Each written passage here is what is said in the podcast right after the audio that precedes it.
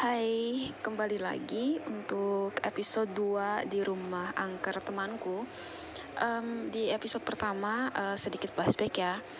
Uh, ceritanya kan lagi liburan di rumah temanku yang di kampung, terus ada kejadian tertentu yang pas uh, aku mandi ketemu sama nenek-nenek, uh, terus lucu dan sekaligus ngeri yaitu uh, sempat nonton bareng terus video yang tidak tidak dengan si nenek itu gitu. Si neneknya tiba-tiba kayak uh, ikutin nonton gitu kan. Uh, itu sekilas dari yang pertama dari episode yang pertama. Uh, lanjut ya. Uh, kemarin itu langsung uh, apa namanya yang part kemarin tentang yang Yuda tiba-tiba datang di tempat yang di di waktu yang tepat gitu yang di saat uh, ada penampakan si nenek di belakangku. Oh Tuhan terima kasih. Kayak lanjut ya kita ke nextnya.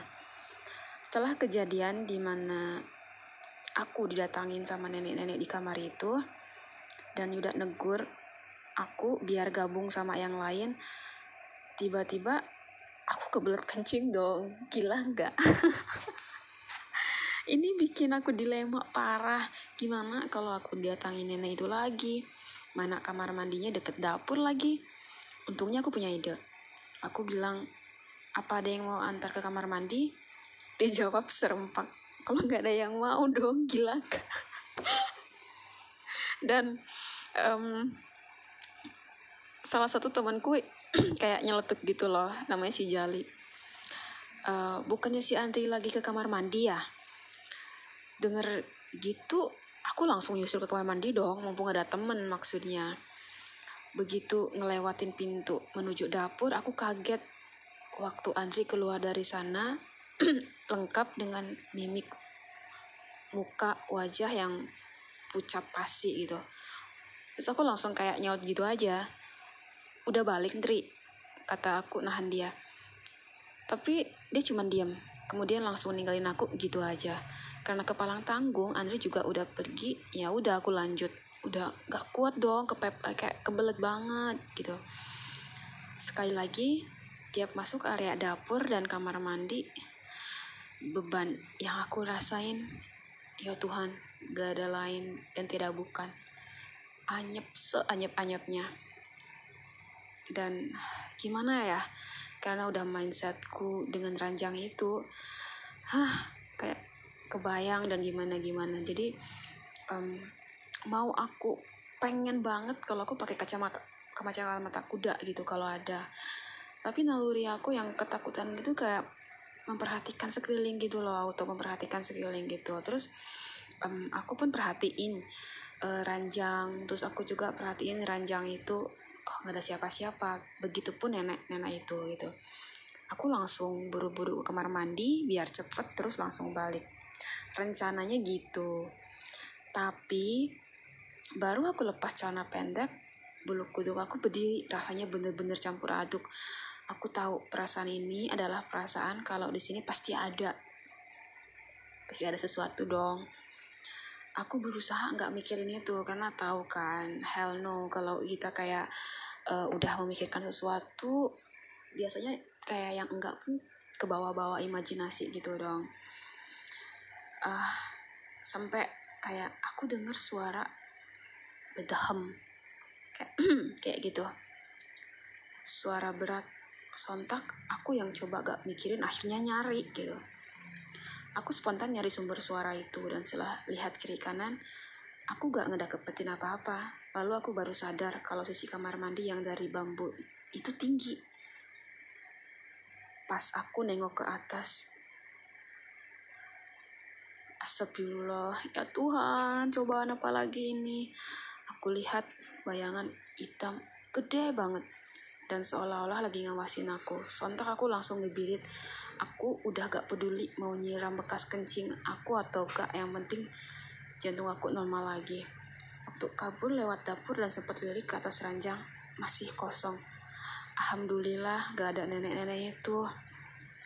Aku gak bisa bayangin kalau setelah lihat yang begitu harus lihat yang lain. Jantung aku bener-bener gak sehat seperti ini gitu. Aku gabung sama yang lain. Kayaknya lagi santai ngobrol. Aku perhatiin Andri cuma diem. Aku juga gak mau bahas ini karena apa pun yang bikin Andri pucat kayaknya aku udah tahu deh jawabannya apa gitu. Gak mungkin beda kan. Ataupun kalaupun uh, bukan yang aku lihat tadi ya mungkin si itu kali ya gitu kami ngobrol sampai jam setengah 12 berhubung udah larut kita sepakat tidur. Tidurnya sendiri nggak di kamar tapi di ruang tengah. Jadi kita pakai alas yang besar biar kita berenam cukup buat tidur. Sialnya lagi. Aku dapat di ujung tempat yang paling dekat dengan jalur menuju dapur. Tiktok tiktok tiktok. Suara jam suara cicak jalan pun kedengar karena saking kayak takutnya gitu Aku cuma lihat ke langit-langit, sementara satu persatu teman aku udah pada tumbang. Aku nggak lihat Andri karena dia di tengah. Sekitaran jam setengah satu aku masih terjaga. Aku berusaha marem, tapi sekuat aku berusaha buat tidur, aku malah terjaga. Aduh, tersiksa banget. Sangat tersiksa perasaan itu. Suasana sepi dengan kondisi lampu mati bikin aku nggak tenang Aku deg-degan karena kayaknya tinggal aku yang masih melek. Aku cuma berharap satu hal, aku nggak lihat apa pun. Tapi kayaknya aku salah, walaupun belum lihat apa pun, aku mulai merasa ada yang nyambut aku. Aku dengar langkah kaki. Suara kayak kecepak kecepuk kalau kalian tahu suara ketika kaki basah menginjak lantai keramik.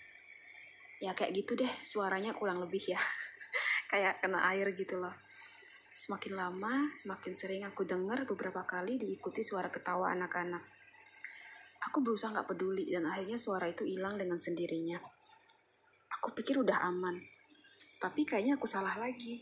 Baru sementara aku menjamin mata, aku ngerasa ada yang ganggu muka aku. Kayak ada entah apa yang kena muka aku dan itu gak nyaman. Pas aku buka mata, aku gak tahu kudu ngomong apa. Itu muka nenek-nenek tepat natap muka aku dari atas dengan kondisi rambutnya yang panjang, ujungnya kena muka aku. Astagfirullah, waktu itu aku langsung kayak berdoa dan sebisa mungkin berdoa firman Tuhan uh, yang sebisa mungkin gitu. Tapi anehnya semakin lama ada aku ada di posisi itu semakin aku sadar walaupun itu serem tapi nenek ini nggak pernah gangguin dalam hal kontak fisik. Aku baru sadar kalau dia cuma nampakin wujudnya doang. Selebihnya dia nggak nyakitin aku kayak di film-film. Selama beberapa saat aku biarin nenek itu ada di sebelah aku dan ngeliatin aku dengan senyuman seremnya kemudian eh, tiba-tiba terdengar suara pintu digedor-gedor. Serius, cara gedor pintunya itu kayak digedor oleh orang yang gak ada orang yang bisa gedor pintu dengan suara yang seharusnya bisa bangunin 2 sampai tiga rumah. Tetangga gitu loh, kayak tetangga pun bisa dengar gitu harusnya gitu. Tapi anehnya cuma aku doang yang dengar karena gak ada satupun temen aku yang bangun dengan suara yang jelas itu gitu. Itu adalah kali pertama aku langsung berdiri waktu dengar suara berasal dari halaman belakang dan setahu aku pintunya itu dikunci dan diganjal almari. Aku bangun penasaran, hal mendasar yang manus manusiawi ketika mendengar sesuatu yang gak lazim. Aku bersiap pergi buat lihat, tapi sesuatu mengganjal kaki aku dan ketika aku lihat nenek serem yang sedari tadi cuma merhatiin aku nah kaki aku, aku kaget. Ini adalah pertama kalinya aku kontak fisik sama makhluk beda alam. Rasanya kembali anyep.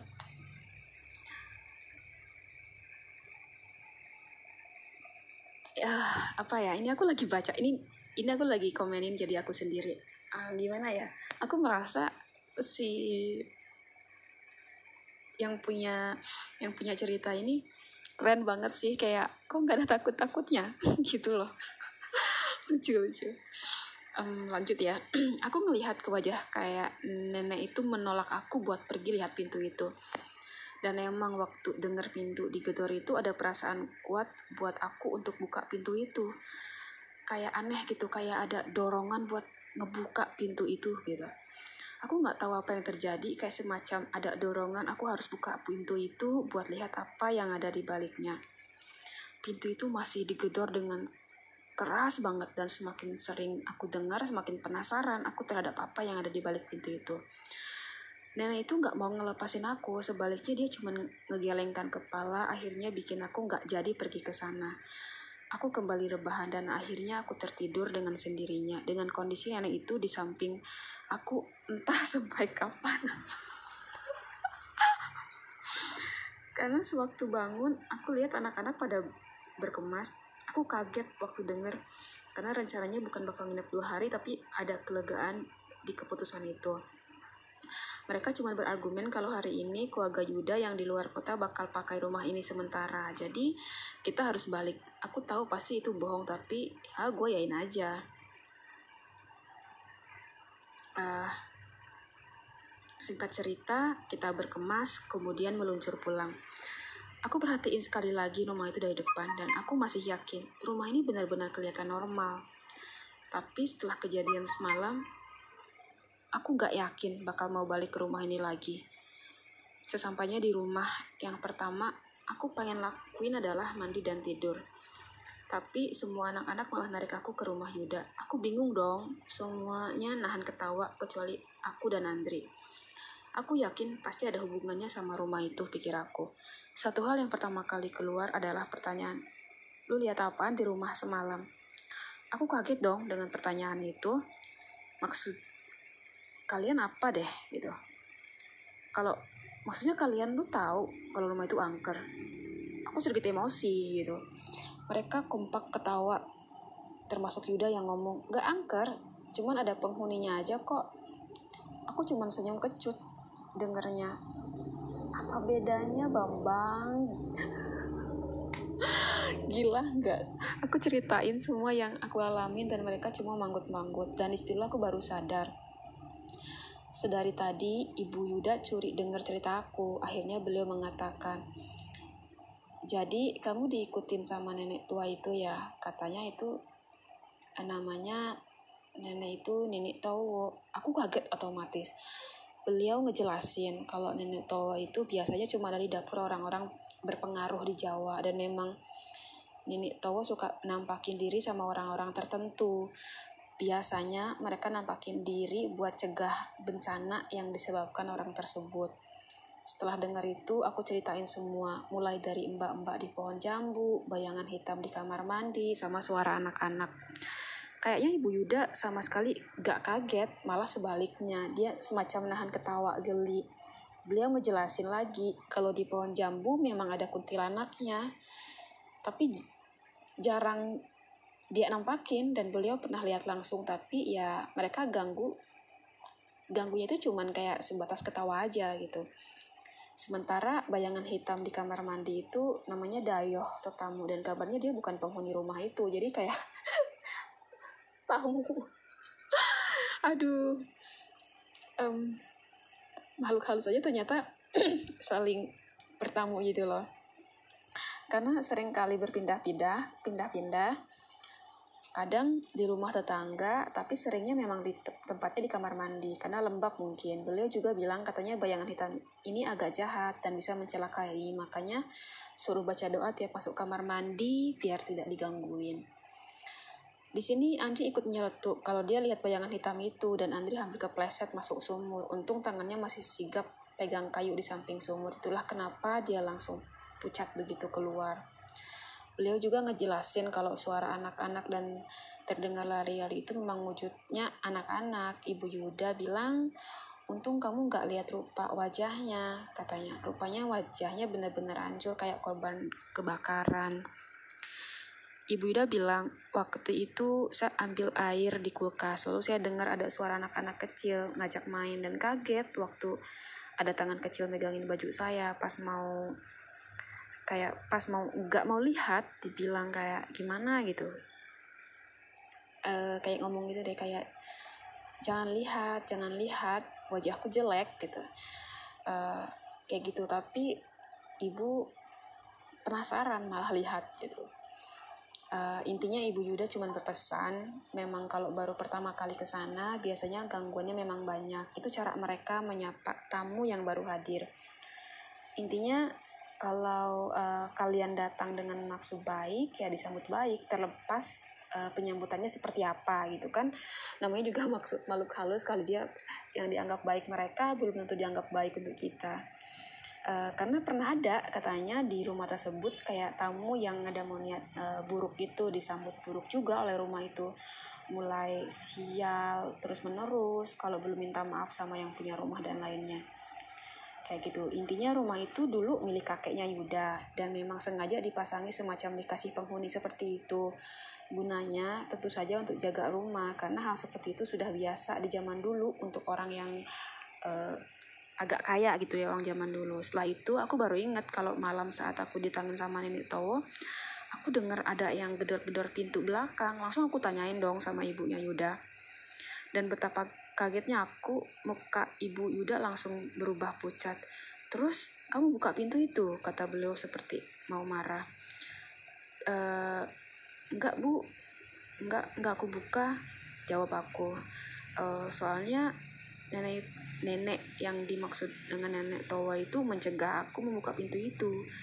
E, dan ibu Yuda kemudian kayak, ah puji Tuhan, alhamdulillah, senang mendengarnya.